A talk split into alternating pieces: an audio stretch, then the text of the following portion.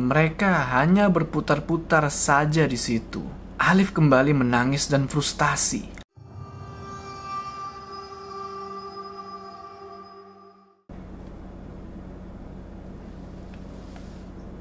Assalamualaikum teman-teman Balik lagi sama gue Apa kabar kalian semua? Semoga kalian semua yang menonton video ini Diberikan kesehatan, dilancarkan rezekinya Dan selalu dimudahkan urusan-urusannya Dan selalu dilindungi dari wabah yang sedang Melanda seluruh dunia saat ini Kembali lagi di pendakian horormu di mana di segmen ini gue akan menceritakan kisah-kisah horor pendakian yang sudah kalian kirimkan ke email gue. Dan pada kali ini gue punya cerita yang seru banget, yang serem banget menurut gue ya. Dan gue akan menceritakannya kepada kalian. Jadi kali ini gue akan menceritakan kisah tentang seorang pendaki yang namanya tidak ingin disebutkan. Kita sebut saja namanya itu As. Tentang dia mendaki ke gunung mana, As minta untuk nama gunungnya agar disamarkan dan nama-nama yang ada dalam cerita ini juga akan disamarkan. Kita sebut saja mereka ke gunung itu. Kenapa penulis minta disamarkan? Karena menurut dia ini adalah pengalaman yang gak bakal bisa dia lupain dan juga sekaligus menjadi trauma bagi kedua temannya. Sebelum kita masuk ke cerita, jangan lupa like video ini dan bagi yang belum subscribe, ayo subscribe sekarang ke channel ini supaya kalian gak ketinggalan cerita-cerita horor selanjutnya. Udah siap ya? Mode horor aktif. Jadi si As ini naik ke gunung itu bersama dengan tiga orang temannya, yaitu Rab, Alif, dan Jora. Mereka ini berasal dari kota X. Singkat cerita, mereka berangkat naik kereta dan sampai di stasiun Probolinggo pada jam 8 pagi. Karena lapar, mereka memutuskan untuk makan di dekat stasiun. Saat mereka makan, tiba-tiba ada pengemis bapak-bapak agak tua yang rada bungkuk menghampiri mereka dan meminta sedekah. Lalu Alif mengeluarkan uang dan memberikan ke pengemis itu. Bapak-bapak itu lalu bilang, manusia itu hidup, harus berani melawan rasa takut untuk mati. Sontak mereka agak sedikit kaget. Tidak sampai di situ. Bapak itu bilang lagi, kalau mau selamat, yang pasrah sama Gusti Pangeran mereka terheran-heran dengan ucapan bapak itu. Ya udahlah, mereka belum berpikir yang aneh-aneh dan mereka lanjut makan. Singkat cerita, mereka sampai di base camp pendakian pada jam 8 malam. Mereka memutuskan untuk menginap malam itu dan melakukan pendakian pada keesokan harinya. Jam 6 pagi, mereka bangun dan bersiap-siap. Pendakian baru dimulai pada jam 8 pagi. Awal-awal mendaki, mereka masih senang dan semangat. Untuk menghemat waktu, mereka memulai pendakian tidak dengan jalan kaki, tapi menyewa ojek dengan membayar sekitar 45.000 per orang. Nah, selagi naik ojek, As sempat melihat di balik pepohonan ada seorang perempuan berpakaian kebaya Kayak pakaian zaman dulu lah. Sosok itu menatap mereka sambil mematung. Tapi di situ As masih abaikan. Tak berapa lama kemudian, sampailah mereka di batas di mana ojek tersebut mengantar dan dimulailah pendakian yang sebenarnya. Dari tempat mereka diturunkan oleh ojek sampai ke mata air pertama, waktu itu jalanannya agak sedikit becek karena habis hujan. Ditambah lagi, treknya menanjak. Otomatis sangat menguras tenaga mereka. Belum ada 20 menit berjalan. Alif dan Jora minta untuk istirahat. Setelah puas beristirahat, mereka melanjutkan perjalanan. Hingga tak terasa 5 jam mereka berjalan. Dan sampailah mereka di mata air pertama kira-kira jam 1 siang. Mereka memutuskan untuk ngecamp di sana. Mengingat Alif dan Jora sudah kelelahan. Ditambah langit sudah mulai mendung. Mereka takut kehujanan. Setelah beres mendirikan tenda, mereka mulai masak-masak dan membuat kopi sambil bersantai menunggu maghrib. Tidak berapa lama kemudian, waktu maghrib pun tiba dan mereka sholat. Sehabis itu, mereka makan malam dan bersiap-siap untuk tidur. Karena mereka mau lanjut jalan besok pagi. Dan tidurlah mereka. Sekitar jam 11 malam, As terbangun karena ia mendengar seperti ada rombongan yang berjalan ramai sekali. Lebih seperti pawai, bukan seperti rombongan pendaki. Selain itu, suara langkah kaki mereka seperti menggunakan sendal, bukan sepatu. Serta mereka membawa pencahayaan seperti cempluk. Karena As terbangun, Jora pun ikut terbangun dan bertanya, As, ngapain lu? Itu Jor, ada yang rombongan. Sepertinya mau ada acara. Samperin yuk. Mereka berdua pun keluar tenda, menghampiri rombongan tersebut dan mencoba untuk menyapa orang-orang yang ada di situ. Tapi anehnya, rombongan itu terus berjalan dan tidak ada satu orang pun dari rombongan itu yang melihat mereka berdua. Namun, ada satu orang perempuan yang tersenyum kepada mereka dan menyapa. Monggo mas, mereka berdua pun membalas sapaannya dan memberanikan diri untuk bertanya.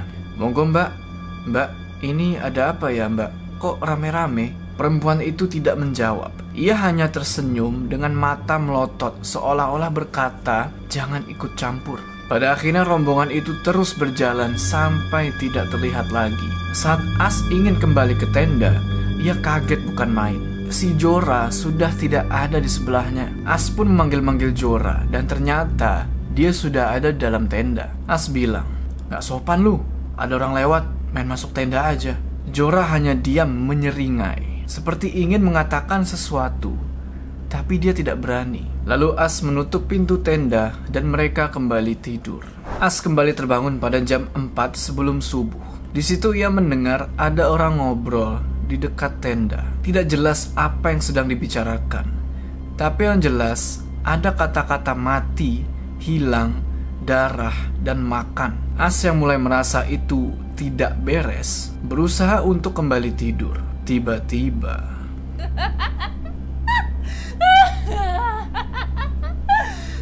terdengar suara wanita tertawa. Lalu wanita itu berbicara dengan berteriak. Tanah iki butuh getih.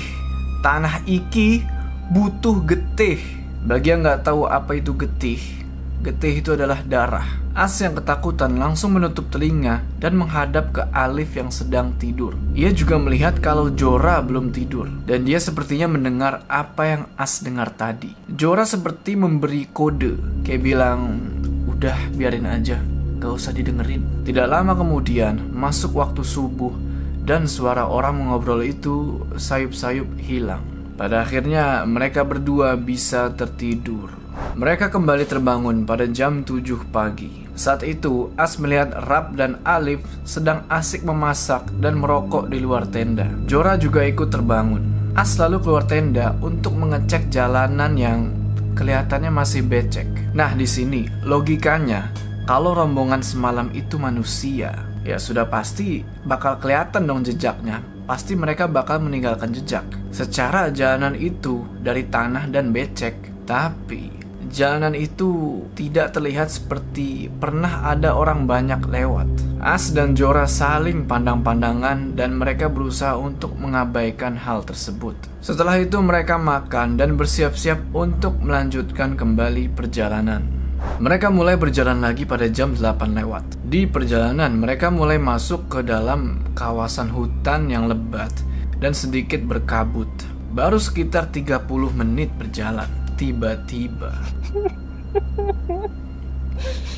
terdengar seperti suara perempuan yang kesakitan dan suara itu terdengar sampai dua kali. Mereka berempat mendengarnya. Tapi anehnya, tidak ada orang lagi di sana kecuali mereka dan mereka kesulitan mencari sumber suara itu karena kabut yang tebal. As mulai merasa ada yang ganjil di sini. Ia lalu memberikan kode ke teman-temannya agar terus berjalan dan tidak memperdulikan hal tersebut. Terus mereka berjalan dan sekitar satu jam sampailah mereka di daerah yang sedikit terbuka, bukan hutan tertutup lagi. Dan kabut yang dari tadi menyelimuti sudah mulai hilang. Mereka menyempatkan diri untuk foto-foto di sini karena memang tempatnya cukup bagus. Setelah puas berfoto-foto, mereka pun melanjutkan perjalanan.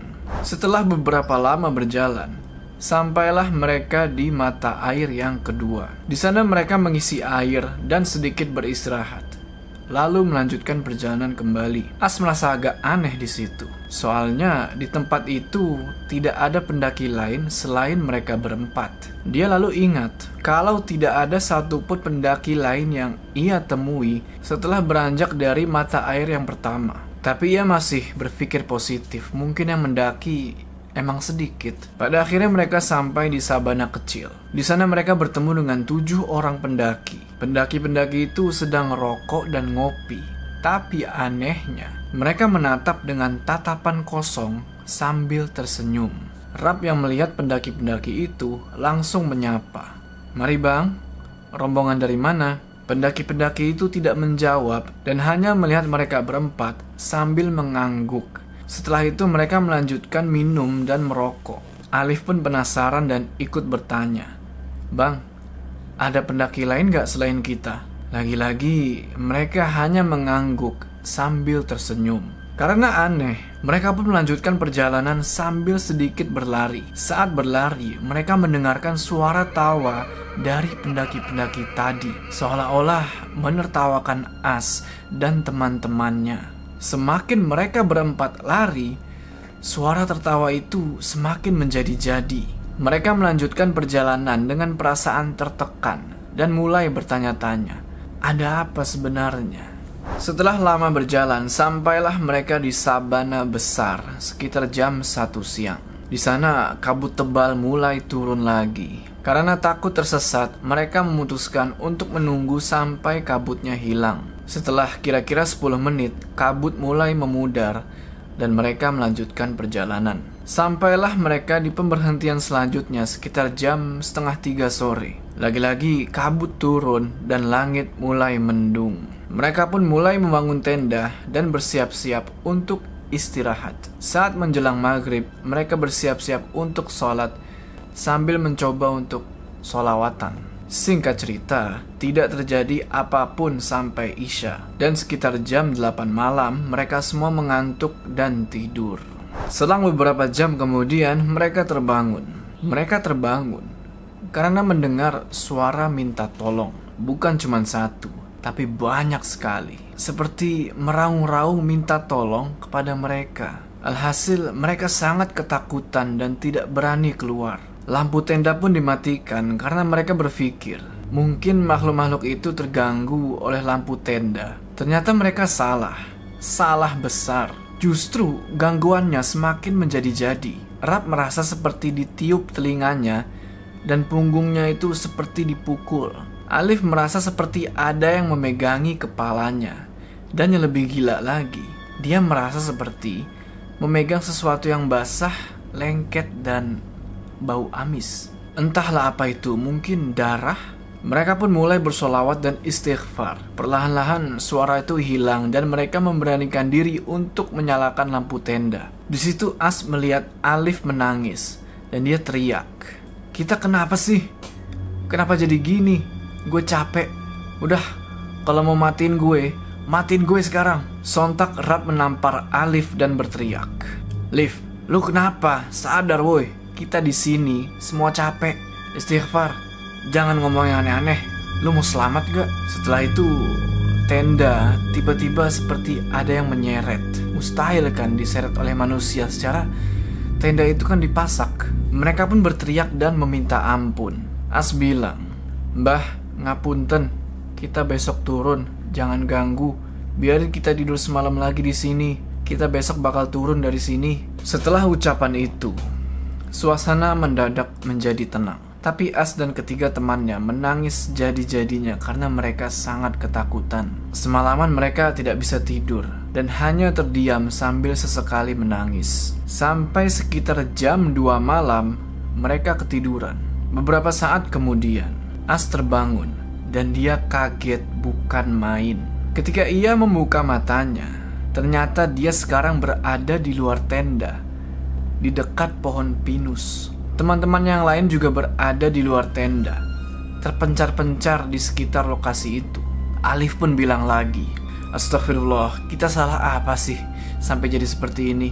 Ya Allah, lindungilah kami semua. Mereka lalu berkumpul kembali, membereskan barang-barang dan bersiap-siap untuk turun. Dan di sinilah semuanya semakin mencekam. Saat mereka mulai berjalan meninggalkan tempat itu, mereka semua melihat dari kejauhan ada banyak sekali orang lusuh di sekitar pepohonan, seolah-olah seperti mengantarkan mereka pergi. Mereka terus berjalan, tapi ada keanehan lain di sini. Di pohon-pohon di jalur pendakian kan biasanya suka diikat sama tali atau kain tuh sebagai penanda jalan. Nah, mereka berempat ini sudah melihat tali berwarna kuning di sebuah dahan pohon yang sama sebanyak delapan kali. Yang artinya mereka hanya berputar-putar saja di situ. Alif kembali menangis dan frustasi. Mereka bingung kenapa mereka seperti tidak diizinkan untuk turun. Yang bikin lebih-lebih-lebih aneh lagi. Di saat yang lain takut dan panik, Jora hanya diam, diam saja. As pun bertanya ke Jora, Jor, lu kenapa? Lu gak aneh-aneh kan? Bukan lu kan penyebabnya? Di situ Jora tetap diam dan menggelengkan kepala. Lalu mereka semua berdoa bersama dan alhamdulillah mereka sedikit tenang. Lanjut mereka turun. Waktu itu sudah cukup siang lah. As sempat melihat ke jam digitalnya. Tahu kan jam digital yang bukan pakai jarum tapi pakai angka. Nah, jam itu menunjukkan jam 2 AM. Kalau jam 2 AM berarti itu jam 2 malam. Dia pikir jamnya rusak. Pada akhirnya mereka sampai lagi di mata air dua. Di sana mereka istirahat dan makan roti, tapi Jora masih saja diam. As mulai curiga. Ia bertanya lagi, Jor, lu kenapa? Lagi-lagi ia hanya menggelengkan kepala tanpa sepatah kata pun. Setelah cukup beristirahat, mereka lanjut jalan. Dan As mencoba untuk melihat kembali ke jam tangannya. Masih jam 2 AM.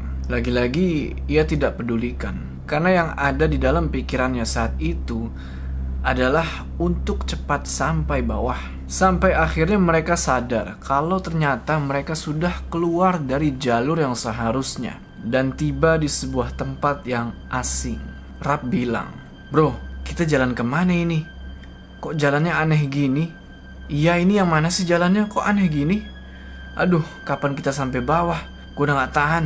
Ya udah, jalan aja terus. Kali aja kita nemu jalan turun. Terus terus jalan kan? Nah, samar-samar. Dari arah depan, mereka melihat sebuah tenda dan ada sebuah kompor yang sedang memasak air. Tapi tidak ada orang di tenda itu. Tiba-tiba, Mas, cari siapa? Mereka berempat disapa oleh seseorang dari belakang. Ketika mereka menoleh, ternyata ada tiga pendaki. Sontak As bertanya, Mas, gini mas, kita dari kota X. Kami tersesat mas, mau turun ke base camp. Oh, istirahat aja dulu mas, makan. Kami lagi santai kok. Yain aja, siapa tahu kita ditunjukin jalan. Oke mas, mereka pun berjalan ke arah tenda itu. Ketiga pendaki itu memperkenalkan diri dengan nama Dani, Rizal, dan Faisal. Mereka bilang kalau mereka itu dari Sidoarjo dan sedang mendaki untuk menghilangkan penat. Mereka pun mengobrol dan tanpa sadar sudah masuk waktu maghrib.